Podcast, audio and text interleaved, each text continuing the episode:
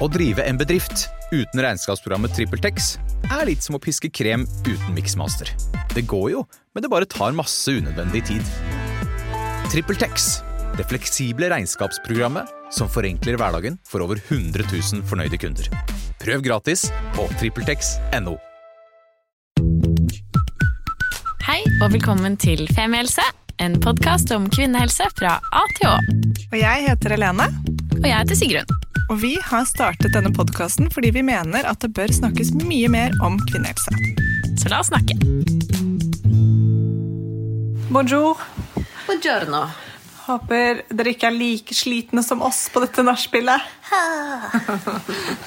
Nei, det er jo en fordel med at øh, en fordel med at ting er digitalt. Man blir ikke like sliten og fyllesyk dagen etterpå.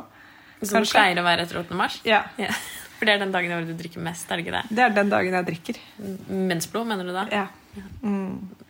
Fra sårede kvinner som har dårlige rettigheter. ja.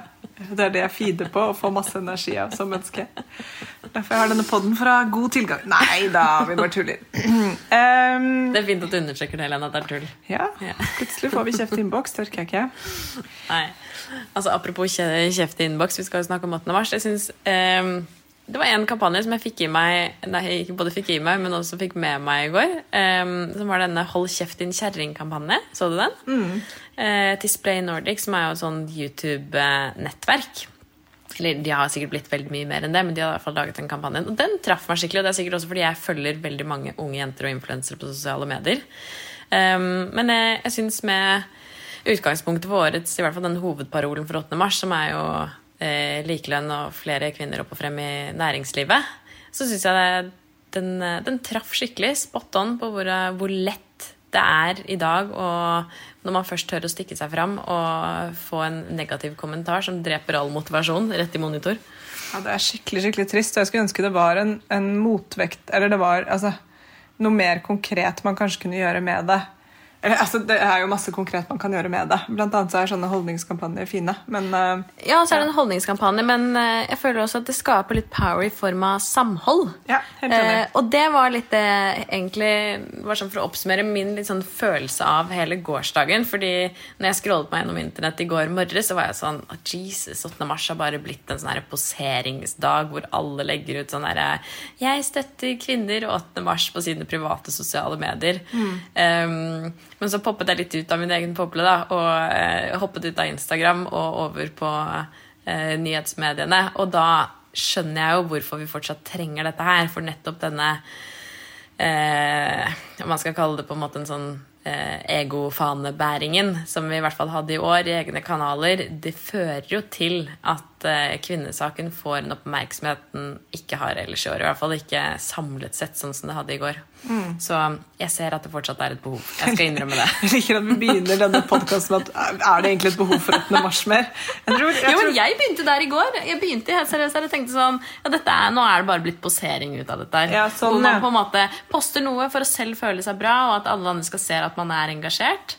Mm. Eh, det var der jeg begynte. Eh, Det, ja. Og jeg kan jo være enig i at og veldig mange merkevarer som er jævlig irriterende, bruker til å gi deg liksom rabattkoder og eh, Fodora som satte opp prisen på kvinnedrevne restauranter eh, med lønnsgapet. Uten at, og jeg synes egentlig det var liksom litt sånn spenstig kampanje at det var sånn 6,8% dyrere på eh, fire-fem restauranter i Oslo som er heleid av kvinner.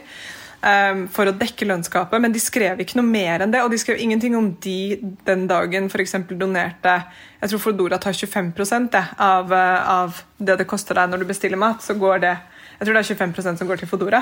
Men de, sk de skrev liksom ikke noe mer om det, og ikke noe mer sånn fanesak rundt det. Og bare at de sendte ut den mailen, og så tenker jeg sånn, ok, ja, der er sikkert folk nok prisbevisste til at ok, da, da kanskje de faktisk ikke gidder å kjøpe fra den restauranten den dagen. Dessverre, da. Ja, for jeg er jo såpass godtroende at jeg leste det jo som at uh, denne ekstrainntekten faktisk skulle gå til restaurantene. Og så syns jeg jo egentlig det er veldig synd som du sier at de ikke hadde gjort noe mer ut av det. For hvis de bare hadde laget et litt større rammeverk Ja. Og det kan hende at de hadde det hvis man hadde giddet å gå inn på nettsiden og jeg vet ikke, lete etter den informasjonen. Men den var ikke der. Jeg leste også bare det nyhetsbrevet. Ja, Så du mener at de skulle hatt en innholdsprodusent? Ja, det mener jeg. Innholdsrådgiver? Ja, sånn som meg. Ja, sånn som deg. Ja, Fodora, ring Sigrun, hun har noen tips. Dere kan få ikke gratis. Det kommer til å koste dere 6,8% mer enn de gjør hvis dere hadde leid inn en dårlig mann til å gjøre det samme. Eller en god mann. Samme det. Nei, men jeg, og jeg synes jo, ja, altså Det er jo kanskje den digitale utfordringen med eller herregud, 100% digitale utfordring med å gjennomføre 8. mars, er jo, som ble gjort i år, er jo nettopp den at man kanskje får litt den poseringsfølelsen og merkevarer som stikker seg fram i begynnelsen. og Man må liksom grave seg litt ned i materien for å få den fellesskapsfølelsen. Um, fordi det å stå på Youngstorget og gå i toget, som vi gjør hvert år, er jo en sånn mektig følelse av en blanding av sinne, frustrasjon, samhold, kjærlighet, girl power og, med, og, og samhold. Og liksom endelig fokus på de tingene som man tenker mye på i løpet av et år. I hvert fall gjør jeg og vi det. Mm. Og så får du liksom plutselig manifestert det i bare mange mange tusen mennesker av alle kjønn og identiteter som står samlet der. er supersterkt. Så i går så var det kanskje liksom, hvert fall for min del så jeg er helt enig det filteret var litt på i begynnelsen for liksom å få den feelingen. Men utover dagen så, så kjente jeg liksom på den derre Å, jeg vet fader, ass. Den dagen jeg skulle virkelig ønske at vi var jo selvfølgelig der at vi ikke trengte 8. mars som en dag hvor vi skal snakke om alt dette, men vi gjør jo fortsatt det. Um, virkelig. Så ja. Ja, vi gjør virkelig det. For det, det, var den andre tingen jeg tenkte i går. Var, Jesus, all those posers. Nei, men jeg tenkte også at eh, at i stedet for å ha den ene dagen, så burde vi heller bare spre det ut over resten av året. på en eller annen måte. Det jeg skulle ønske meg et mer jevnere trykk. Kanskje men, man skulle startet en podkast om kvinnehelse? Shit, det er en dritgod idé. Det er Ikke sant? Mm. You are so smart. Mm. Um, nei, men jeg følte Men er ikke liksom trykket blir ikke på en måte dette sånn ketsjup-effekt at trykket går på i går, og så fortsetter man å snakke om det, og nå er liksom volumet skrudd veldig høyt opp, men det er ikke skrudd av i morgen. Ikke, altså det, nå, man trenger den dagen for å sette fokus på det, og så jobber vi videre. Men dette her var egentlig ikke en podkast hvor vi skulle diskutere om vi trenger 8. mars eller ikke. Vi er jo enige om det. Ja, men det er jo vår egen podkast, så vi kan diskutere hva vi vil. Det er sant. Og da vil jeg gjerne diskutere en annen ting, og det er menn 8. mars. Det syns jeg er synd. At så mange menn føler at 8. mars er en anti-mannedag. Eller eh, sånn som et eh, advokatbyrå som, eh, ja. som delte en veldig fin post på Facebook i går, hvor de ville bruke den dagen til å hylle menn. Ja. ja. Til det... å takke menn, fordi at menn også sto for likestilling ved at de gadd å hente i barnehagen og ta pappaperm. Ja, så det, mm, de valgte det, da. Ja, Som en del av sin likestillingsstrategi også ganske feilslått, vil jeg våge å påstå. Men Hva er det som men, er, irriterer deg med menn nei, 8. mars? Eh, det irriterer meg egentlig ikke. Jeg får litt vondt, men jeg har opplevd flere 8. marser å snakke med eh, Ikke nødvendigvis kompiser, men liksom menn i nærheten av meg som eh, forteller at de syns 8. mars er vanskelig fordi de føler seg som fienden på 8. mars. Okay. At de føler seg, at det handler om at menn er på en måte eh, de som har gjort at kvinner er undertrykket. Og så prøver jeg å si at ja, men det er vi jo enige om, men det er en struktur, det er patriarkiet, det er ikke deg.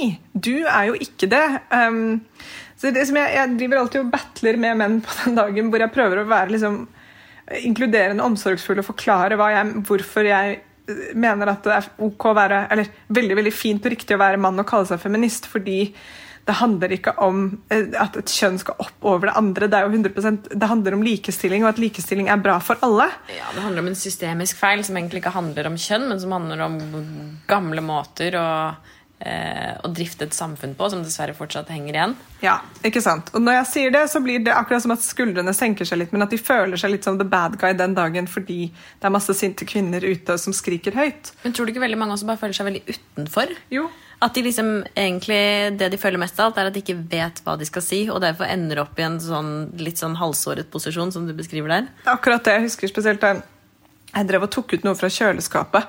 Um, på en 18. mars, og så var det liksom en kollega som lente seg over meg. og Ikke han jeg ble kjæreste med senere, men som lente seg liksom over meg og strøk meg på ryggen og, og hvisket sånn 'Gratulerer med dagen!' inni øret mitt. Og jeg bare, jeg bare Det sånn rolig penetrerte deg? det føltes sånn emosjonelt notert. Jeg bare åh, du har liksom, Dette er ikke dagen hvor du skal kose med folk inni, inni kjøleskapet. Men det gjorde han, da. Men nei, jeg vet ikke. Jeg, jeg, den, jeg, skulle, jeg, vet ikke hva jeg skulle ønske akkurat med det, men jeg syns 8. mars er jo en dag for opp og fram for kvinner, og det er ikke en dag som skal handle om menn, men det er ikke en dag som det er en, jeg mener som alt annet at man, det er bedre med mangfold og inkludering på det. At også, jeg skulle ønske flere menn følte seg mer hjemme i 8. mars og var enda mer med i den kvinnekampen. Eh, for det er, en, det, er en, det er en, samfunnskamp. Det er, et, det er en, liksom en, nasjonal, global kamp som gjelder alle. Eh, og det vi fighter mot, er jo systemet og inngrodde gamle eh, biaser som sitter så hardt i oss at vi ikke engang reagerer på dem selv. ikke sant? Um, ja. Ja, og kanskje ikke så mye enkeltindivider. Det er selvfølgelig noen eh, som sitter på toppen og er et problem, men eh, mest av alt for oss, eller i hvert fall i de sakene jeg kjenner meg mest igjen i, så handler det om eh, hvilke muligheter jeg ikke har, eller har pga. kvinne, eh, fordi jeg er en kvinne. Og da kanskje i hvert fall det som blir drittydelig for meg det siste året, er jo nettopp dette uh, hvilke negative konsekvenser det faktisk har å få barn fortsatt i det norske samfunnet, selv om Erna sier 'fød, fød, fød'. Mm. Eh, og det blir jo synes jeg, et veldig sånn tydelig eksempel på at, uh, at det er et problem. Bare det at jeg ikke får feriepenger i år. Altså Fordi jeg har hatt permisjon, og jeg har ikke tatt ut ulønnet permisjon engang. Jeg får litt feriepenger, men jeg får ekstremt lite. Hadde jeg tatt ut ulønnet, så hadde jeg nesten ikke fått noen ting. Og det setter jo meg ganske heftig økonomisk tilbake da, i årsbudsjettet. Ja. Fordi jeg har tatt vare på barnet mitt. Ja, det er helt fucka. Det er masse ting som er helt fucka med det der, og som burde Ja. Det, er, og det, det, har jo vi snakket om på podkastet før også, at Norge er sjukt bra. Vi er utrolig heldige som, får, som er født uh, her, eller i hvert fall bor her.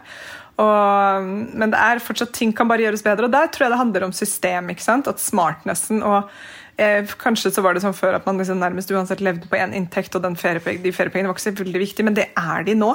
Så det, ja. Det er, altså, den er dritviktig. Um, men det er også litt uh, Kanskje noe av det som er grunnen til at uh, veldig mange menn syns at det kan være vanskelig å engasjere seg, er jo nettopp at mange er avhengig av en eller annen form for personlig involvering for å klare å engasjere seg. Og jeg tror det er jo nettopp derfor. Og det er ikke det at ikke uh, Jon, kjæresten min, er like personlig engasjert i dette eller involvert i dette problemet som meg. Men jeg så bare i går hvor avhengig man er av de såre, ærlige, ytterst subjektive historiene for å, å skape et stort engasjement eh, rundt en enkeltsak som, som blir en, en, kvinnesak, da, rett og slett. Altså, jeg tenker sånn Hele dette barselopprøret da, som fikk jo mye oppmerksomhet, i hvert fall i vår feed i går. Det er jo nettopp masse enkeltpersoner og familier som deler sine vonde opplevelser, eh, som er jo veldig personlig og privat og sikkert ikke noe gøy å dele for veldig mange, eh, og hvordan det nå har spredd seg til å faktisk eh, skape en endring. da. Hvor det nå på mange sykehus er heldigvis lov å ha med seg partner hele fødselen. Mm. Og, det er jo, og så er det liksom jeg vet ikke, Korona har jo fucka litt til for oss på dette her. fordi nå har det vært liksom skjult bak korona at barselomsorgen eh, har vært eh, for mange opplevd som mangelfull. Men den var jo det før også. Og dette her har jo vært noe som har vært snakket om lenge. Og som dessverre kanskje fortsetter å være et samtaleemne fordi det blir ikke prioritert. Jeg tror jo barselomsorgen nå faktisk endelig har fått uh, den boost av oppmerksomhet som det har vært behov for i mange år. For det var jo dette Ja, det er som du sier, altså, det er ikke lenger bare et koronabarselopprør. Det har blitt et virkelig et stort skrik om, om mer ressurser til barselavdelinger over hele Norge. Mm. Så nei, jeg tror Ja, 8. mars er uh, en nesten en sånn deilig dag hvor man kan gå rundt og være litt sint og lese fakta og bli enda mer sint og tenke på hva man skal gjøre med det. Jeg fikk en rar tanke i går da jeg leste at 80% av alle de som tjener over 1 million, er menn. Da tenkte jeg faen, det skal jeg greie i løpet av tre år. Men jeg leste også var det, det er like mange som heter altså kvinnelige toppledere som det er eh, toppledere som heter Arne. Mm. Det er også ganske psycho. Ja, ned med Arne. det, det skal være vår parole til neste år. Ned med Arne. Bort med deg, Arne. Ja, det er ganske sinnssykt. Ja. Men um, jeg føler jo også at 8. mars er en av de få dagene som gjør at jeg ikke bare føler at jeg lever i et spill på en eller annen måte. At plutselig Det blir litt virkelig, da. At det er mange mennesker som bryr seg om ekte ting. Vi putler og går bare ikke i liksom i de samme, samme gangene og samme Det er ikke det at det ikke skjer endring, men man skrudde, jeg følte i går så skrudde virkelig veldig mange mennesker seg på. Det er en dag hvor det er plass for politisk eh, diskusjon, og hvor det er plass for å liksom Engasjement og ja.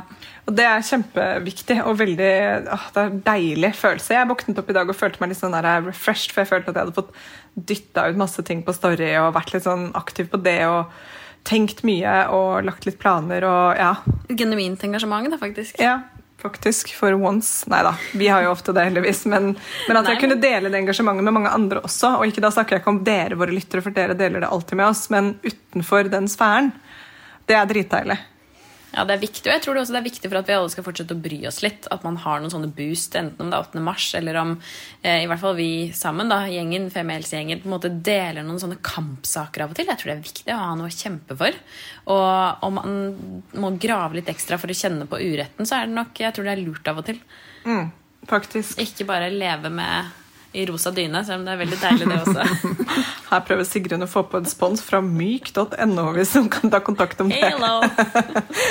Ja, nei, og jeg tror ehm, Ja, kan ikke Sigrun, kan ikke du plukke opp noen av de parolene folk gikk bak i går også? Eller gikk bak, det er jo så trist. Jeg gikk over Ja, vi- ba dere om å sende inn litt hvilke paroler dere støttet. Og jeg synes det var så sjukt trist å gå over Jungstorget i går, og så var det ett helt, det var kvinnegruppen Ottar som hadde slått opp. Og, så, og det er jo strålende at de var der, det var ikke det, men det var bare så trist å se liksom den derre hvor det vanligvis pleier å være så mye, da. Greier du å finne det? Ja, det bare tar litt tid. Men Ja. altså, Youngstorget i går var jo helt apokalyptisk. Mm. Det var eh, ekstra grått og tomt. Mm. Ja, En som, også, som selvfølgelig også gjorde veldig inntrykk i går, er jo um, Amnesty også, som hadde et veldig fint fokus på samtykkeloven. Uh, all sex skal være fri frivillig, og det er jeg helt enig i. Altså, eh, selvfølgelig er vi helt enige, men jeg er bare så enig i at den loven må opp og fram. Og så kan man jo si at en samtykkelov kan gjøre ting vanskeligere å være på noen måter. og Jeg vet at det er masse diskusjon rundt det, men allikevel, det er faen meg helt sjukt at vi ikke har det. Og gjennomgående i dere som har svart oss, er jo også selvfølgelig mer forskning på kvinnehelse. Selvfølgelig, selvfølgelig. Det er ingen selvfølge. Jeg er veldig glad for det. Kvinnekamp er transkamp. Ja. Alle som identifiserer seg som kvinne, tenker jeg. Um, likestilling i oppveksten. Mm. Den Det er fin, også- fin parole. Det er kjempespennende, både med tanke på barnefattigdom, men også med tanke på kvinner og lønninger. Barselbrølet, barselbrølet, barselbrølet. Veldig mange som har gått der i år. Styrk barselomsorgen, hashtag barselopprøret. Mm. Ja, verden vinner med utdanning til alle jenter og kvinner. Den er også veldig, veldig fin. Altså, alt er jo like viktig, og alt bare på en måte belyser liksom, ulike sider av saken. Alt fra skjevhet fra man blir født som kvinne, til du på en måte når eh, en viss alder og begynner å liksom, komme i puberteten, og alt det der skal oppdages, og kvinnehelse, til du skal ut i arbeidslivet, til du skal kanskje bli mamma for første gang. Alt, er liksom, alt er viktig, og det, er- liksom som, det som er så trist, er at det er ikke bare sånn der, det er ikke ett punkt i livet som er mer vanskelig, kanskje. Det er alle punkter i livet. Hvis vi snakker om bare overgangsalder også. ikke sant? Det er bare sånn der, Mer forskning på overgangsalder og mer prat om overgangsalder. ja. Jeg skal ikke bli helt sånn der, mega liksom, negativ her, men, men det, bare noen av de parolene vi leser opp nå, viser jo nettopp det at 8. mars handler om liksom, livsløpet til kvinner, og at det er ganske mange forbedringsmomenter i Norge. Og i hvert fall globalt så er det så jævlig mange ting å ta tak i når det kommer til likestilling. Men vi kan jo begynne her og prøve å være et foregangsland, tenker jeg, og så allikevel ha liksom to tanker, eller tre tanker i hodet samtidig, at det gjelder liksom um, alle kjønn og alle identiteter, men også globalt, og alle liksom funksjonsformer osv. Men at man tenker liksom det handler om samhold, det handler om Det handler om alt annet enn deg selv, tenker jeg. Altså, Hver gang du gidder og orker og tør å heve stemmen, så gjør du det virkelig ikke for deg selv, men du gjør det for ekstremt mange andre som du kanskje ikke vet om at eksisterer engang. Men ehm, jeg tenker det er litt viktig å lene seg på også når man tenker at det ikke er noe vits, eller at det ikke nytter, eller at det er for skummelt. At uh, du gjør det ikke for deg sjæl i det hele tatt. Ja, det er helt enig. Og apropos det, snakk om å heve stemmen og gjøre ting for andre. Nå Hva skal du gjøre for noen andre nå? Jeg skal ikke gjøre så mye for noen andre, egentlig, men jeg skal fasilitere noe sammen med deg. Ja? Fordi det har nå blitt satt ned et utvalg som skal eh, komme, endelig lage en ny NOU. Som da er en norsk offentlig utredning. Fy fader, det var bra, for nå fikk jeg Jeg satt og tenkte sånn, hva var det for noe? Ja, hva var det for noe? Ja, Da var du kjempegod som redda meg. Men tenk, jeg har jo den, den trege hjernen klarte det. Ja, men du har våknet. Ja, Hjernen din er våken. Er så, tusen takk. Ja. Tusen takk. Du er, du er back, back in track. Ja. Um, og jo, Det er satt ned da et nytt uh, offentlig utvalg uh, som skal i gang med å lage en utredning på kvinnehelse. Jeg vet ikke, Den største kjendisen som sitter i dette utvalget, er Harald Eiabl. Men det er, det er ganske mange andre som sitter, og, um, som sitter i dette utvalget. Og de, ja, og det som er litt spennende, da, hvis vi skal si, snakke litt mer om det utvalget, er jo at det er en, um, dette er jo da en uh, NOU om kvinnehelse som har som mål å få egentlig oversikt over statusen på, på kvinners helse i Norge. Eh, men at de menneskene som sitter i utvalget, er altså en veldig sånn sammensetning med folk. Det er jo, jeg, tror jeg tenkte at det bare skulle være professor på kvinnehelse. Det er jo snart ingen igjen av de. Det var litt få å ta av. Eller eh, gynekologer eller folk som jobber med kvinnehelse på daglig basis. Men det er ikke det. Altså Det er selvfølgelig noen leger her, men det er også det er en student, det er eh, en daglig leder i Pårørendealliansen, det er en kommuneoverlege, det er masse professorer. Det er eh, eh, Sanitetskvinnene. Ja, Shout-out til Elisabeth. Veldig bra at du er der og representerer. Det er kjempekult, men jeg bare synes det er veldig spennende at det er en sånn veldig både geografisk, men også eh, god kjønnsfordeling og med masse spennende bakgrunner. Så mm. det, er, eh, det, er, gøy. Og Sigrun sitter nå med regjeringen.no sin side. Kan ikke du si, lese liksom kort hva som er poenget med denne utredningen? Altså, de, Utvalget skal da se helse i et helhetlig perspektiv og gjennomgå problemstillinger som gjelder likeverdighet mellom kjønnene på helseområdet. Helseutfordringer henger sammen med faktorer som utdanning og inntekt, alder, forhold i familie og arbeidslivet, geografi, pårørendeoppgaver, vold og overgrep, og det å tilhøre minoritetsgrupper. Men så øh, sto det noe veldig fint her oppe. Uh, ja, og De skal jo da uh, vurdere og foreslå tiltak som kan styrke kvinners helse- og kjønnsperspektiver i helse- og omsorgstjenestene. Folkehelsearbeidet, utdanning og forskning, sier da Bent Høie i denne artikkelen. Yes. Og det er jo Det som er hele poenget, er at denne NOU-en må gå og bli til en stortingsmelding. Ikke arrester meg hvis jeg sier det helt feil nå, men poenget er at når det er en NOU, så er det bare en, en offentlig utredning. Og hvis ikke den på en måte blir Eh, godkjent som en type liksom, 'nå skal dette skje'-plan, så blir den bare lagt i en skuff, sånn som den som ble eh, gjort for 20 år siden. Ja, fordi i 1999 det høres plutselig veldig lenge ut siden, men det var da sist det ble, ble laget en NOU, og da med Johanne Sundby, som vi har jo hatt på besøk flere ganger i podkasten, mm. som ledet, eh, ledet hun. Hun var, fall, hun var, i hvert fall med i utarbeidelsen av den. Men da skjedde det jo ingenting. Og tenk så frustrerende det er. bare sånn, Denne NOU-en her, den skal leveres neste høst. Og tenk alle disse menneskene her som gjør så grundig arbeid og kartlegger behov øh, og muligheter som kan gjøre kvinners øh, hverdag og helsehverdag mye bedre. Og så blir det ikke noe av. Jeg synes det er utrolig også eh, provoserende bare sånn i et samfunnsøkonomisk perspektiv. Tenk hvor mye penger og tid som har blitt brukt på dette, her, så gidder man ikke gjøre noe med det. Ja, nei, og det, Noen av delene blir jo i hvert fall tatt inn, og det blir jo presentert. Og det er jo en kunnskap som da plutselig veldig mange flere besitter. og Man kan jo lese den NOU-en. Man kan lese, men det kommer jo ikke noen handlingsplan ut av det. Nei, det, det, det var handlingsplan. Jeg sa ikke stortingsmelding. var det, herregud. Anyways, handlingsplanen. og da, dette, Du kan sammenligne det med for at de, har jo gjort, de gjorde jo en NOU på selvmord, og da blir det en handlingsplan. ikke sant? Ut fra det, og da legger regjeringen en plan. Dette da gjør man dette for å bedre yes, det. Og det bevilges penger til det, og det settes ned utvalg, og det liksom, da blir det en handlingsplan bak det. Sånn at Det er det som må skje denne gangen her også, og vi kommer tilbake til det i 2022, hvordan vi må pushe på for å få det, hvis vi kan, hvis vi kan greie å påvirke det. Men det vi tenkte var at nå skal vi begynne med å påvirke utvalget. Um, For det kan vi gjøre. Det kan vi gjøre. Eller det kan dere gjøre. Sam vi sammen, mener jeg. Yes, sammen Gjengen Alliansen. Ja.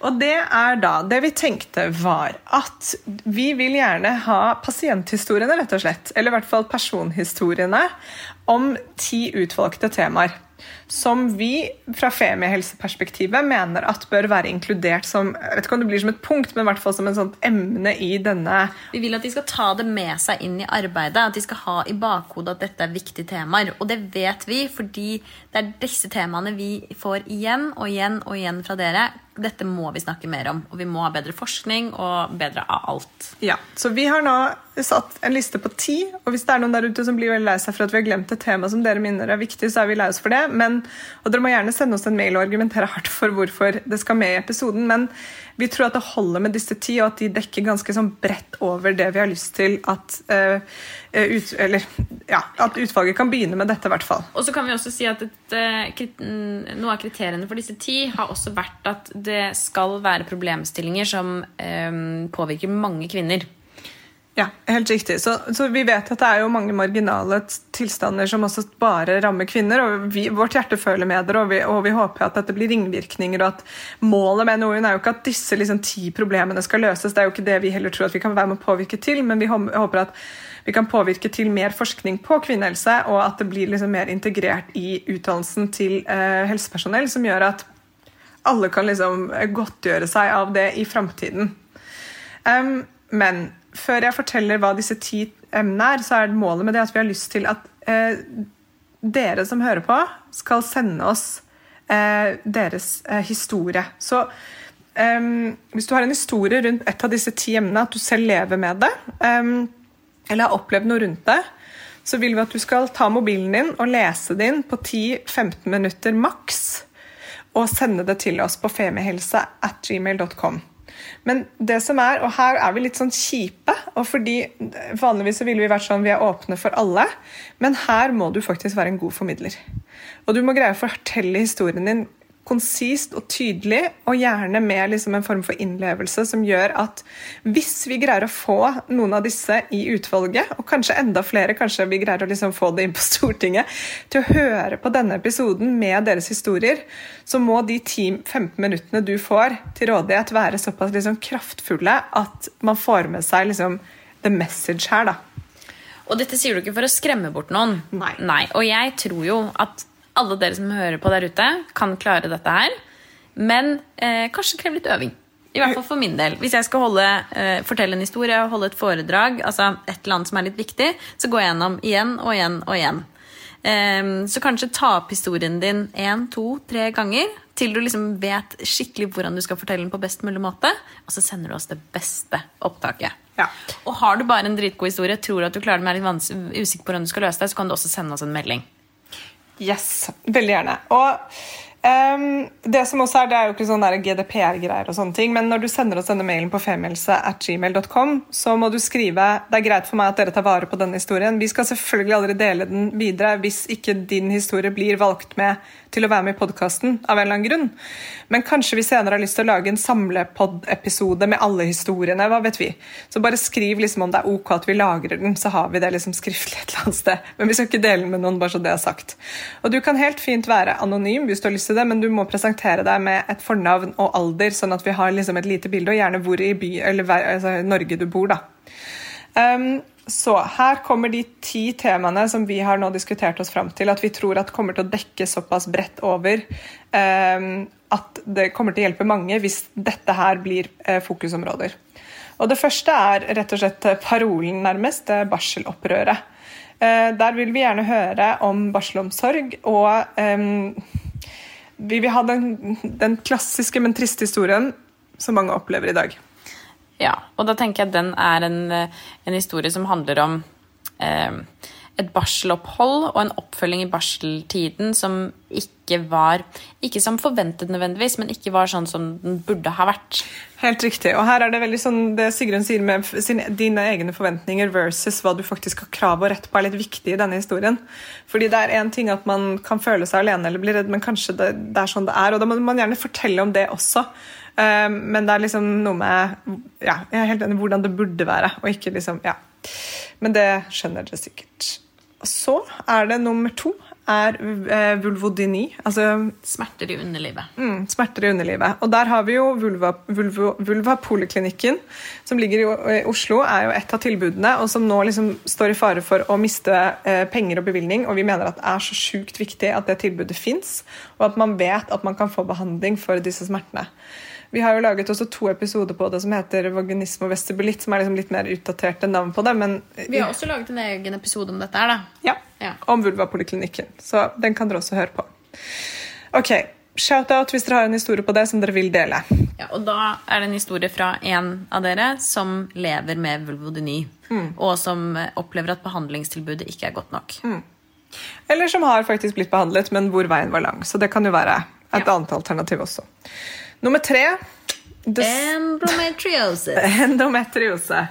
Uh, dette her er jo bare helt sjukt viktig at uh, vi får på plass mer midler og forskning til. Vi vet at mellom 10-20% av alle kvinner i verden har det. Og her må Norge bare step the fuck up og få på plass liksom det. Vi har allerede Tina Tellum som går i bresjen på endometriose og adenomyose, men vi trenger veldig mye mer. Vi trenger et tverrfaglig behandlingssenter. STAT. Yes, Over hele landet. Mange av dem.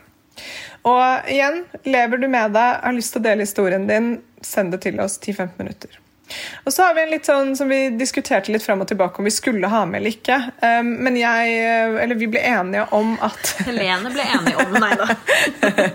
jo, men vi ble enige om at dette her er jo også noe 10-15% av alle kvinner har, og det er PCOS. Um, og igjen så er dette sånn jeg vet at Vi har jo på en måte bare dyppet eller ja, vi har bare dyppet teskjeen så vidt nedi denne yoghurten eh, da vi lagde en episode om PCOS, hvor vi på en måte bare snakker sånn Hva er det? Hva slags behandling fins det? Og det er på en måte bare For de aller fleste så er det jo bare hormonbehandling som blir tilbudt, altså, eller prevensjon da, for å få litt sånn kontroll på når du får mensen, men det er jo ingenting som gjøres i særlig stor grad for å faktisk eh, jobbe med eh, tilstanden. Nei, men For å ikke snakke om diagnostisering, som for veldig mange ikke skjer før de kanskje prøver å få barn og ikke klarer det. fordi dette er jo, er det, Nå kan det godt hende jeg tar feil, ikke stort på noe jeg sier, men det er jo den vanligste grunnen til ufrivillig barnløshet. Ja, i begynnelsen så er det det. Fordi man prøver og prøver og prøver. Og jeg tror at dette her er liksom og vi har også fått melding fra flere av dere som skulle ønske at vi kunne tatt opp PCOS i et mer holistisk perspektiv.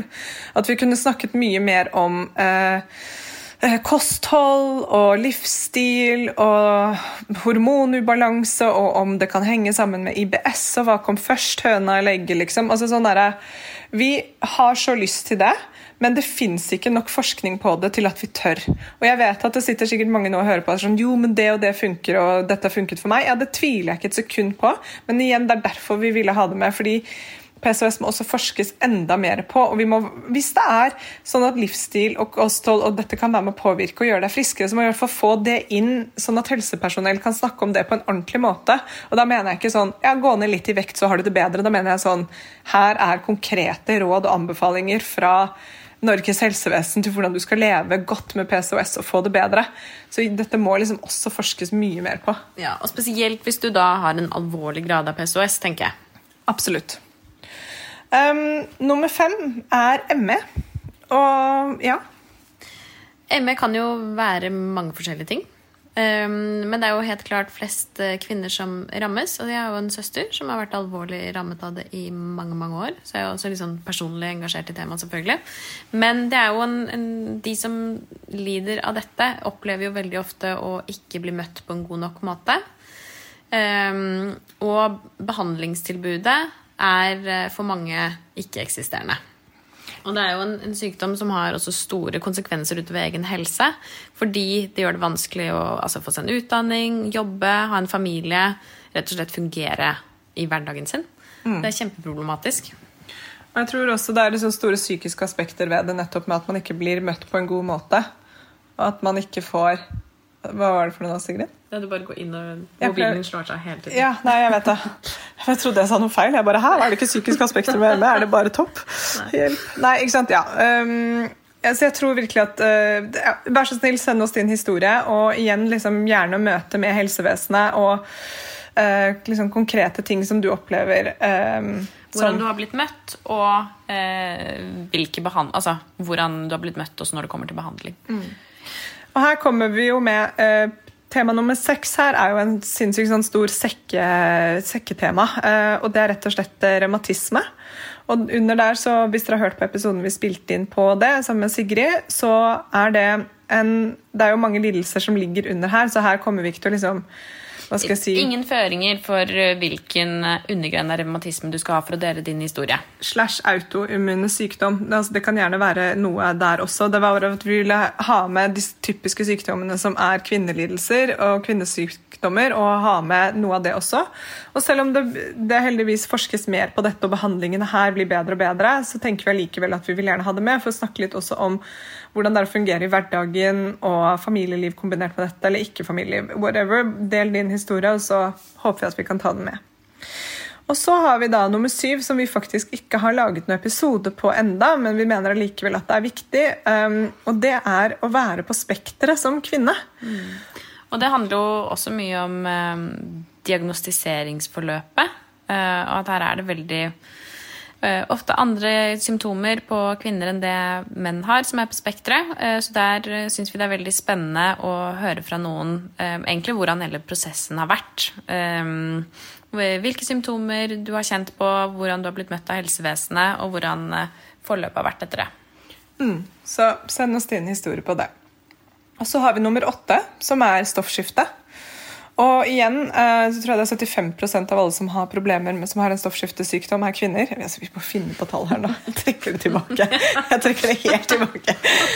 Men det er veldig mange flere menn enn kvinner som har eh, problemer med stoffskifte.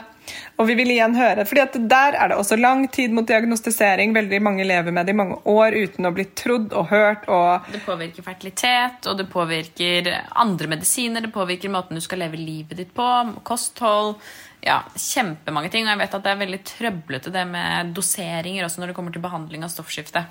Så ja. Mm. Så igjen møte med helsevesenet og, og liksom eh, systemet rundt. Og så har vi da nummer ni, eh, som er migrene.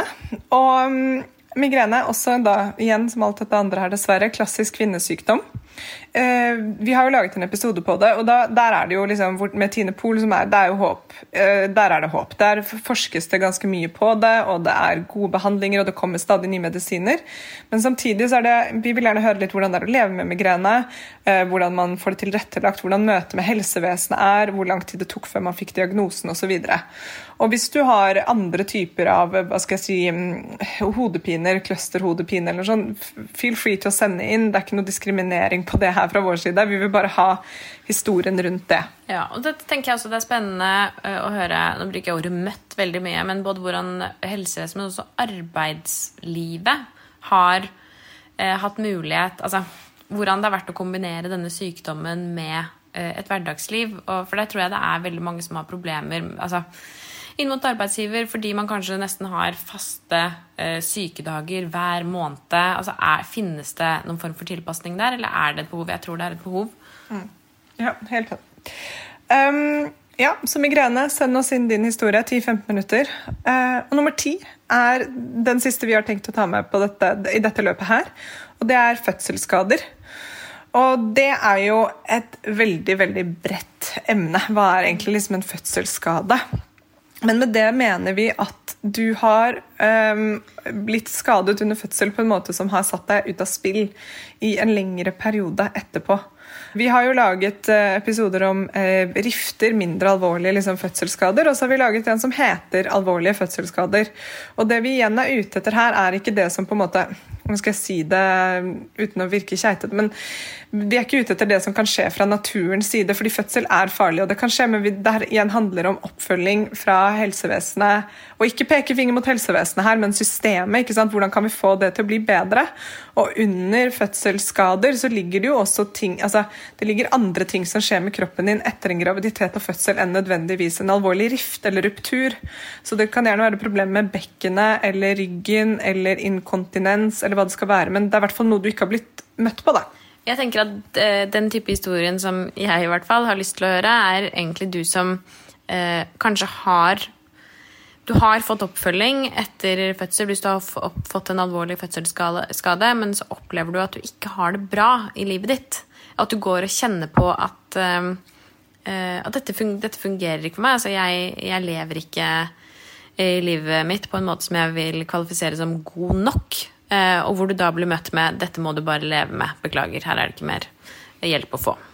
Ja, det var veldig fint sagt. Um, godt oppsummert. Eh, så ja, jeg håper at dere sender inn. Det var våre ti punkter. Ti punkter. Ti store punkter, Og vi skjønner at dette kanskje kan virke litt sånn avskrekkende og stort, men jeg håper dere tar med dere liksom den energien fra gårsdagen som vi snakket litt om i starten her, og eh, hvor mye det faktisk kan utgjøre da, at én av dere velger å dele, eh, å dele sin historie. Hvor samholdsfølelse og det kan skape. Og jeg tror også det vil virkelig kunne eh, være et bilde på et stort samfunnsbehov hvis vi får til å overrekke dette på den måten vi har lyst til. Så vær snill, ikke vær redd for å dele. Nei, og det er jo viktig å si at denne, dette her blir jo delt som en vanlig episode i vår feed, altså som en podkastepisode i Femihelse sin feed, og så håper vi at noen fra NOU-en hører på. Og de er jo våre beste venner. Det er jo virkelig mennesker som nå har satt av masse av sin tid i livet til å gjøre en utredning på kvinnehelse, og det vi vil her, er jo ikke liksom vi vil bare nudge dem og gi dem direkte tilgang til pasienthistoriene. Og de gjør jo så mye research at de sikkert også får pasienthistorier servert på bordet på en egen måte, men vi tenkte at her kan vi i hvert fall være med og bidra slik vi kan, da. Ja, og, og, vi kan, og det skal vi også si her, at vi skal ikke bare slippe en episode og så håpe at den finner veien. Helene og jeg vi eh, kan ganske mye om hvordan vi skal nå fram til folk med budskapet vårt. Det må være lov å si. Det er lov å si. Eh, både ved hjelp av sosiale medier. Vi er heller ikke redd for å ta kontakt med folk. Og vi er heller ikke redd for å ta kontakt med media. Eh, så hvis vi får den eh, hva skal man kalle det? Altså sånn klasebomben av liksom sterke eh, Sterke Historier. Historier kan ja. man også kalle det. Her som vi tror at vi kommer til å få, så tror vi også at vi faktisk kan bidra til, om ikke skape endring, så i hvert fall skape påvirkning. Ja. 100% enig. Jeg er enig i alt du sier. Det er koselig. Ja, nesten.